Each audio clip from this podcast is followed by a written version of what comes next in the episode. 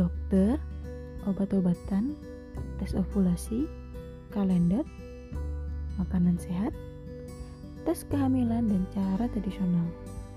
Ini semua yang aku lakukan untuk perjuangan aku menuju garis tua.